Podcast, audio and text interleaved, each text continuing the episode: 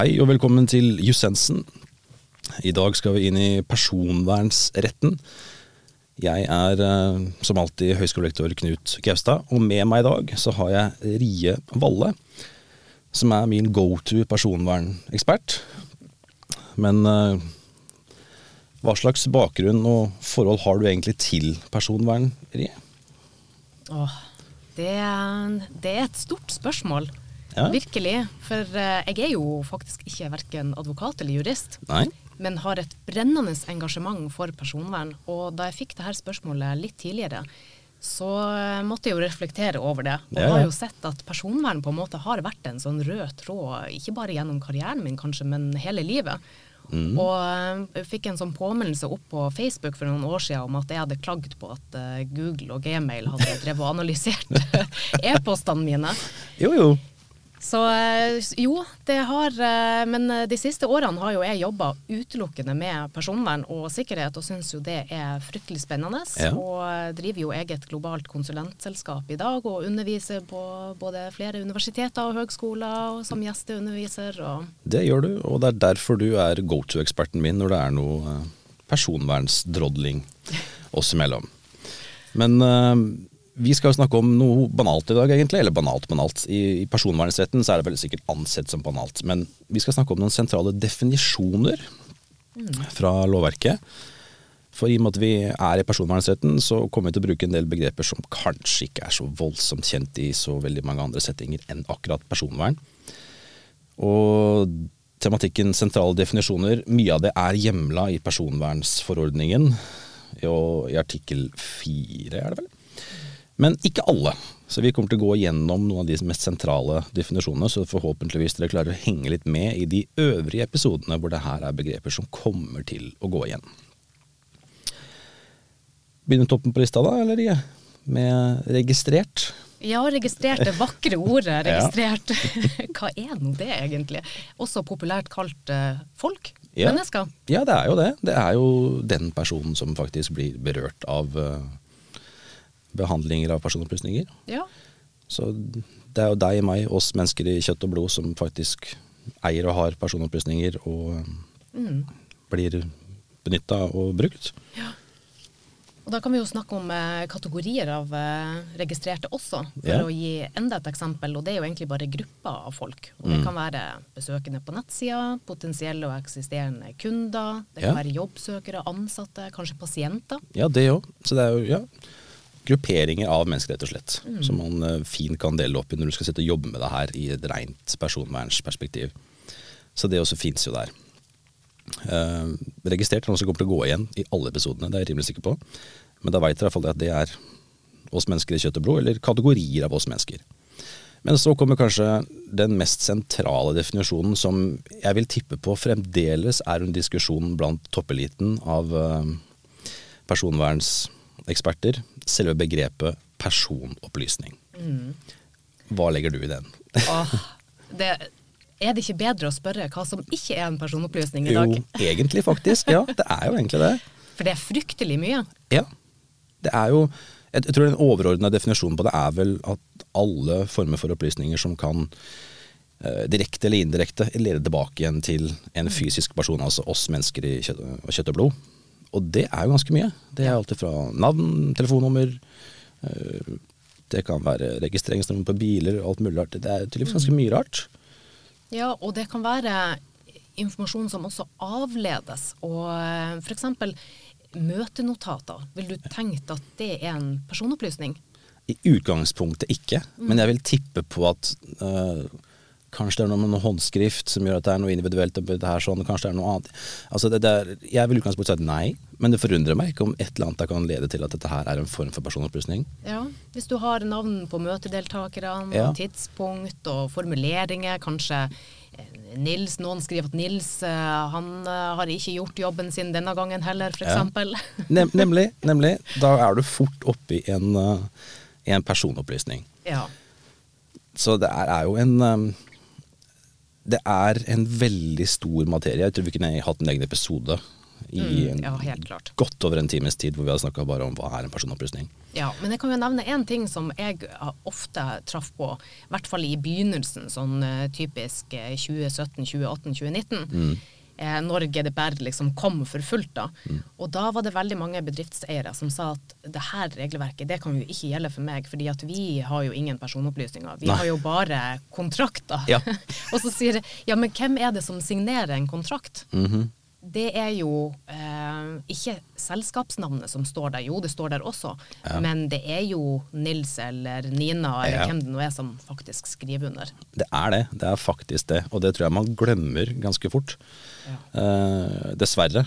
Men for å gjøre det mest mulig enkelt for dere lyttere, hvis vi holder oss til den banale tanken med at eh, personopplysning er det som direkte eller indirekte kan lede tilbake igjen til oss som eh, vanlige mennesker, bilder, navn, adresser, hva enn det måtte være, så tar vi utgangspunkt i det til å begynne med.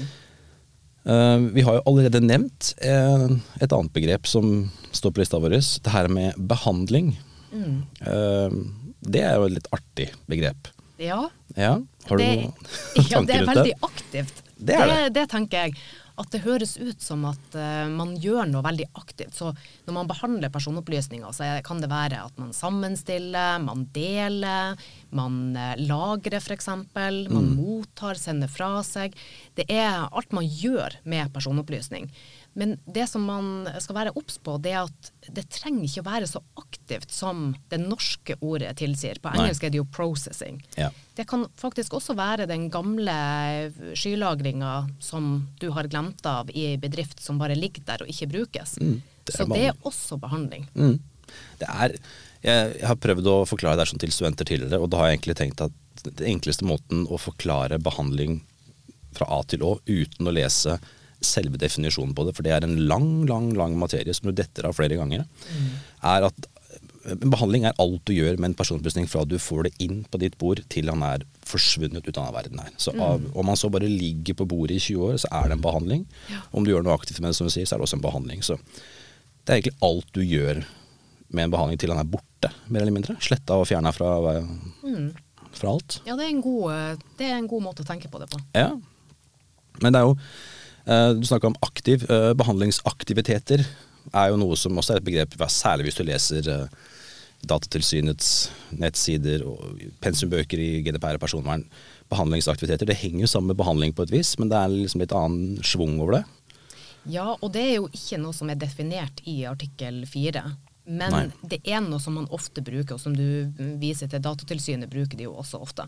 Og man kan tenke på det som at det er noe man gjør, en type eh, en type behandling, selvfølgelig. Ja. Men det kan, for å gi et eksempel, så kan det være å sende et nyhetsbrev. Det kan man tenke på som en behandlingsaktivitet. Ja. For det her skal jo beskrives, og det skal inn i en eh, såkalt behandlingsprotokoll, som vi kommer tilbake til senere. Ja.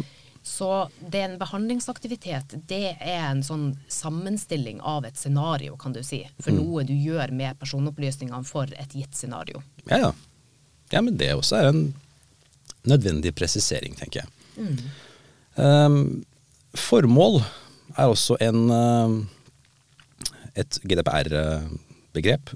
På norsk så har det ikke noe sånn naturlig forankring i personvernretten. Formål brukes til masse annet rart også, men akkurat når det kommer til personvernsbiten og formål, har du noen betraktninger rundt hva det er for noe, Riem?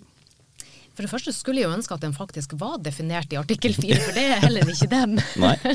Fordi at den er jo eh, nevnt eh, ikke mindre enn 259 ganger i hele personopplysningsloven, Ja. som da inkluderer personvernforordninga GDPR. Mm. Så det er jo noe som er fryktelig relevant for å forstå personvernretten. Ja. For formål, det Du er nødt til å definere et formål for å kunne vite hva du har lov til Ja. å gjøre med personopplysninger videre, og hva du skal med dem. Mm. Hva du trenger av personopplysninger. Så Datatilsynet òg fokuserer veldig sterkt på at man skal definere klare og tydelige formål. Mm. Og nøkkelspørsmålet her tenker jeg hva skal vi gjøre med personopplysningene? Hvorfor trenger vi dem? Nemlig. Så det er, eh, du må ha en gjennomtenkt eh, idé på hva du egentlig skal bruke det til. Ja. Så det gode gamle ordningen med kjekt å ha så vi samler inn mest mulig, er liksom ikke helt innafor når det kommer til personvernsbiten. Nei, ikke sant. Og det, jeg kan ikke si hvor viktig det er å ha et klart definert eh, formål. Nei. Husk det, folkens. Formål. Hva du skal bruke opplysningene til. Gjennomført og kvalitetssikra tanke der. Vi skal avslutte med to begreper. De henger egentlig litt sammen, for de har en uh, vesentlig rolle i personvernsretten. Det første er uh, begrepet behandlingsansvarlig. Ofte, sånn som jeg har pleid å definere det, er jo basert på hva som står i, i artikkel i lovverket, så klart, er jo det her er jo den, den instansen som faktisk behandler og bruker opplysningene til den registrerte. Så det kan være en arbeidsgiver, det kan være et selskap du kjøper av noe på nett f.eks. Mm. Det kan være mye rart, rett og slett. Um, har du noen uh, innskytelser til behandlingsansvarlig, Rie? Ja, en uh, grei huskeregel er å huske på hva ordet sier. Så behandlingsansvarlig. Ja. Det er du som er ansvarlig for behandlingen. Det er du som definerer formålet og hva slags uh, såkalte midler man skal bruke i behandlinga. Mm. Men her er en god huskeregel. Uh, du kan tenke på det engelske ordet. Controller. Ja. Og se for deg en spillkonsoll ja. Og eh, hvis du da tenker at du er behandlingsansvarlig, ja. så er det du som bestemt hva slags spillkonsoll. Skal vi bruke Xbox, er det PlayStation, hva er det for noe? Mm. Du velger ut spillet, og du definerer og gir instrukser hele tida på hva er det som eh, skal faktisk gjøres her. Ja, så, så behandlingsansvarlig, på engelsk er controller, mm. så husk på det at du ser for deg en spillkontroll. Spillkontroll, ja men så bra. Den eh, var en ganske snedig, fin uh, sammenligning der, det, det må jeg si. Jeg er jo gamer sjøl, så da Og da er jeg, når vi fortsetter i spillkonsollsammenligningene, så er jeg veldig spent på, når vi da går opp på neste begrepet, databehandler. Ja. Eh, hva slags funksjon har det i en gamingverden, vil du sagt? ja, så en databehandler det er jo den som da behandler personopplysninger på noen andre sine vegne. Ja på vegne av den behandlingsansvarlige. Ja. Så den behandlingsansvarlige gir da et oppdrag til en såkalt databehandler som behandler personopplysninger på dens vegne. Ja. Og i denne eh, analogien her da med spillkonsoll, så kan man jo se for seg at databehandler er selve spillkonsollen. Og du som behandlingsansvarlig controller har mm. kontrollen og gir instrukser til databehandleren som kun utfører gå til høyre, eh, ta den dragen, hva Se det nå er.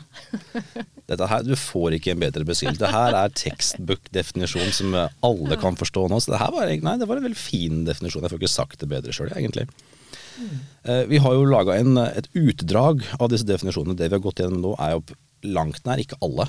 Eh, I artikkel fire i personvernsforordningen så finner dere en lang lang liste med flere definisjoner. Men eh, for de som har faktisk gått inn og sett, i artikkel 4 så er det en mengdemessig såpass mye, så vi må begrense oss til det mest sentrale. Mm. Ellers så kunne vi holdt på hele dagen. Så vi håper at vi har fått med oss det mest sentrale innenfor definisjoner, og at dere må gjerne gå og se i lovverket for øvrig og titte sjøl hvis dere er nysgjerrig på begreper som vil komme igjen. Hvis ikke så vil vi antageligvis stoppe opp i de andre episodene og forklare enkelt hva disse ordene betyr. da. Men uh, har vi noe mer vi trenger å si rundt det her da, Riel? Skal vi gå videre? Nei, jeg tror det er greit. Ja, men så fint. Takk for nå. Takk for nå. Da høres vi igjen uh, i neste episode, folkens. Hei, hei.